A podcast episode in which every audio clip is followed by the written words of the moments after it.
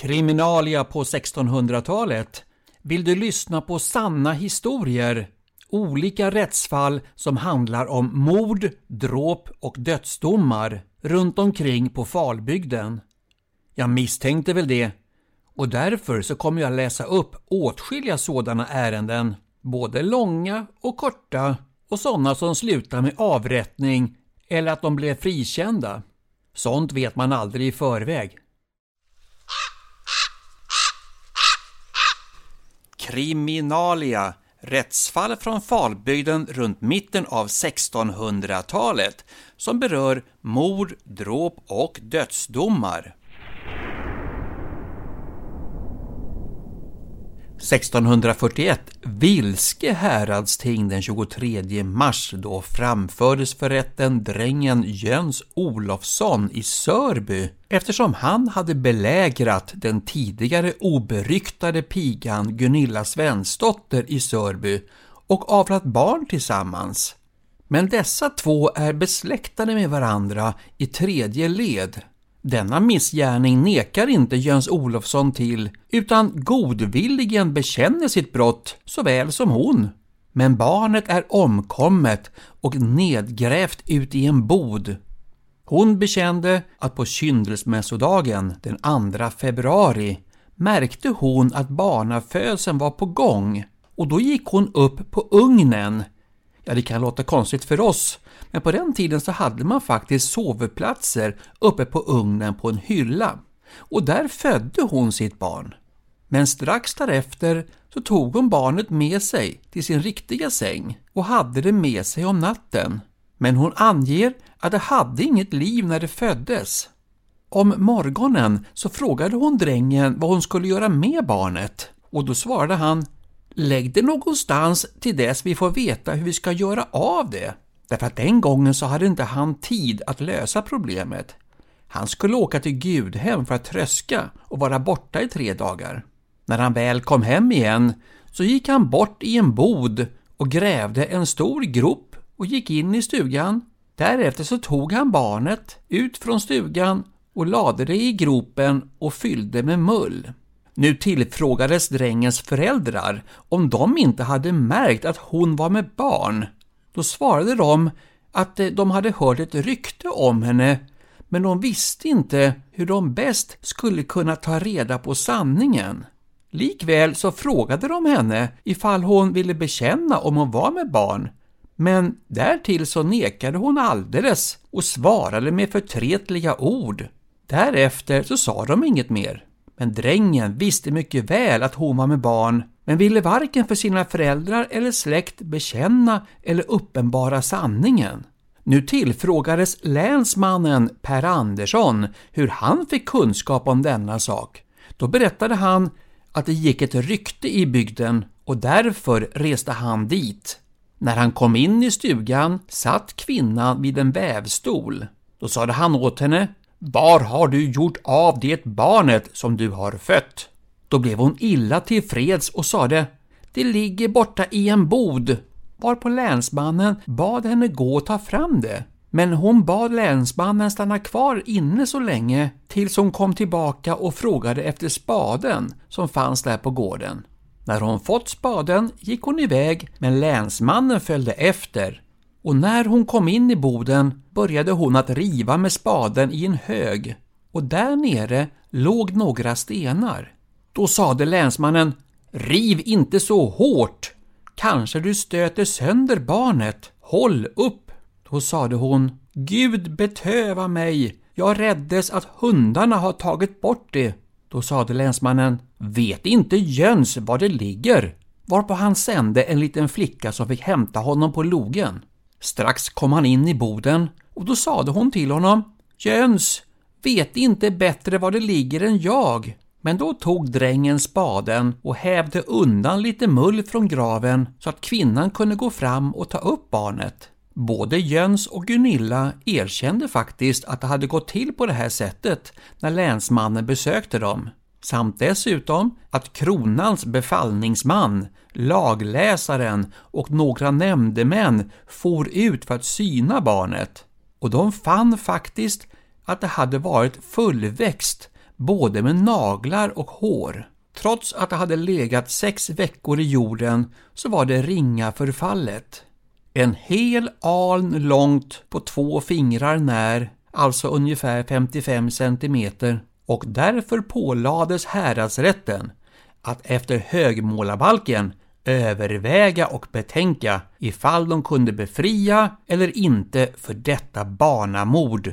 Men deras enhälliga mening och svar det var ju faktiskt det att kvinnan hade bekänt sanningen och ville inte säga något annat. Men deras enhetliga mening och svar, det var ju det att eftersom kvinnan hade blivit förmanad att bekänna sanningen och inte hade gjort det, utan nekade till barnet ända fram till födseln. Men säreget nog så hade hon fött barnet inne i stugan och inte i lönn någon annanstans där ingen såg henne. Därför kunde inte gärna nämnden göra någonting annat än att döma dem till döden, varefter ärendet fick gå vidare till Göta hovrätt. Göta hovrätt 1641 den 18 maj. Jöns Olofsson och Gunilla Svensdotter som tillsammans har begått ett barnamord, båda ogifta och boende i Sörby. Hon har fött sitt foster hemligen, mördat och lagt i lönn, vilket Jöns Olofsson kände till. Beslut denna sak ska på nytt upptas till rannsakning eftersom mängder med punkter är otillräckligt genomförda. Vilske häradsting tre dagar senare, den 21 maj. Så framfördes Jöns Olofsson och Gunilla Svensdotter inför rätten och blev rådda och förmanade att bekänna sanningen, först tillsammans och sedan enskilt. Gunilla Svensdotter tillfrågades om Jöns Olofsson hade varit i råd till mordet innan det skedde eller visste något därom. Men för detta ville hon alldeles befria Jöns Olofsson att han var oskyldig. Och ifall hon inte fick behålla sitt eget liv ville hon anamma nattvarden och sedan dö, eftersom hon hade bekänt sanningen, att Jöns var alldeles oskyldig.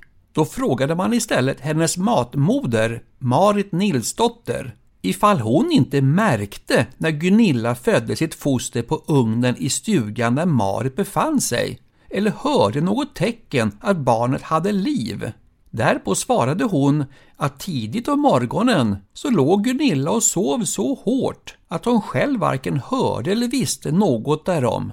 Inte heller märkte hon att barnet hade blivit fött eftersom Gunilla inte låg sjuk mer än en enda dag och då klagade hon på att hon hade ont i bröstet och i huvudet. Sedan gjorde hon sina sysslor både inne och ute, precis som det andra tjänstefolket. Då tillfrågades istället Gunillas matfader Olof om han inte hade märkt någonting och han uppmanades med all flit att bekänna sanningen. Men han lovade på sin salighets vägnar att han inget visste eller hade hört något, utan födelsen var redan avklarad när han vaknade och gick upp. Och eftersom det var helgdag så hade han stannat lite längre i sängen än vanligt. Då tillfrågades istället Gunillas syster vid namn Marit, en tjänstepiga hos Olof på samma gård och i samma stuga. Hon svor också på sin salighets vägnar att Gunilla aldrig bekände för henne något om lägerskapet, ännu mindre att hon var havande. Dock märkte hon ju såklart att systern blev tjock och hörde ryktena i bygden att Gunilla skulle vara med barn. Då begärde hon faktiskt av sin syster att hon skulle erkänna, men fick bara till svar att det var någon konstig sjukdom hon hade fått. Samma morgon som Gunilla födde barnet, då hade Marit sagt åt henne att hon skulle följa med en piga ut i fähuset. Men Gunilla svarade att hon hade så ont i bröstet och i huvudet så att hon lät henne få ligga kvar i sängen. När sedan Jöns Olofsson utfrågades så sa han det att han inte visste att hon var havande förrän under julhelgen, drygt en månad före nedkomsten. Då blev han så häpen av ängslan och fruktan att han inte kunde säga ett enda ord utan brast ut i gråt och hon likadant vid hans sida. Därefter skildes de åt. På grund av daglig sorg och stor enfaldighet så gav de sig inte i tal med varandra. De fann helt enkelt inga goda råd eller ville berätta om detta för någon människa eftersom han ansåg att skammen och ovänskapen med sina föräldrar den fick komma tids nog.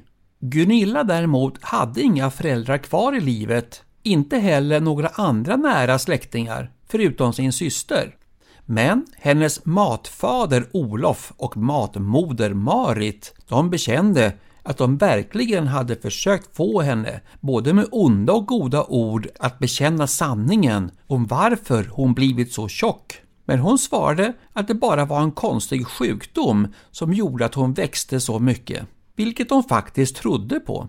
Och de kunde ju inte begripa att det var deras egen son, Jöns Olofsson, som hade belägrat henne. Vid rannsakningen så framkom det att samma morgon som hon hade fött sitt foster och hemligen lagt det i sängen nära sig så kom Jöns gåendes dit ut. Och när de var alldeles alena i stugan så berättade hon att fostret hade dött. Och det var då som de bestämde sig för att gräva ner det i en bod.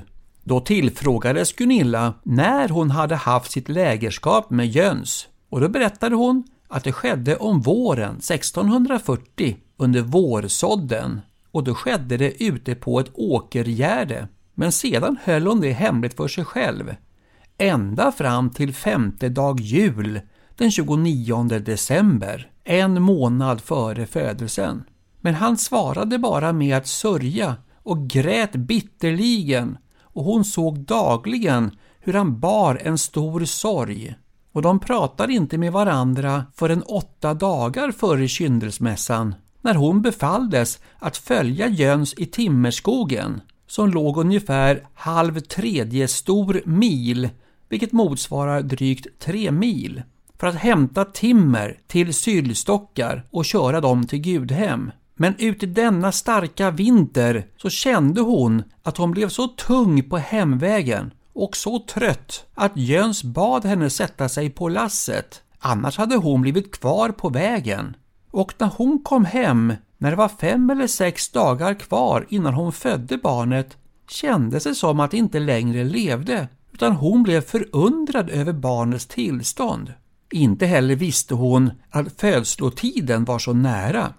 Då frågade man varför hon hade dolt allting så ordentligt och då svarade hon att det skedde av ungdoms ovett och stor räddhåga så snart det blev uppenbart att hon skulle bli fängslad och inte fick någon omvårdnad. Därför ville hon dölja det fram tills hon kände att födslotiden kom och hoppades att allting skulle bli bättre när allting var över. Och inte heller så betrodde hon sin syster mer än någon annan. Då framsteg tre stycken hederliga och vällärda prästmän och kyrkoherdar, herr John i Gökhem, herr Assar i Floby och kommunister herr Hans i Ullene. Och de förmanades åtskilda att tala sanningen och lät dem förstå att deras dödsstund och avrättning var nära varmed de befalldes att överlämna sig i Guds händer samt tala sanning men hur de än försökte så kunde de inte få någon av dem att framföra ett enda ord som var annorlunda än det som de hade sagt tidigare, nämligen att fostret var dödfött. Då samlades nämndemännen och frågade varandra vilket dera som de kunde göra med gott samvete. Antingen att anklaga dem båda för barnamord eller tro på de skäl som framlagts att de var oskyldiga. För att inte förhasta sig beslöt man att tänka på saken till dagen efter.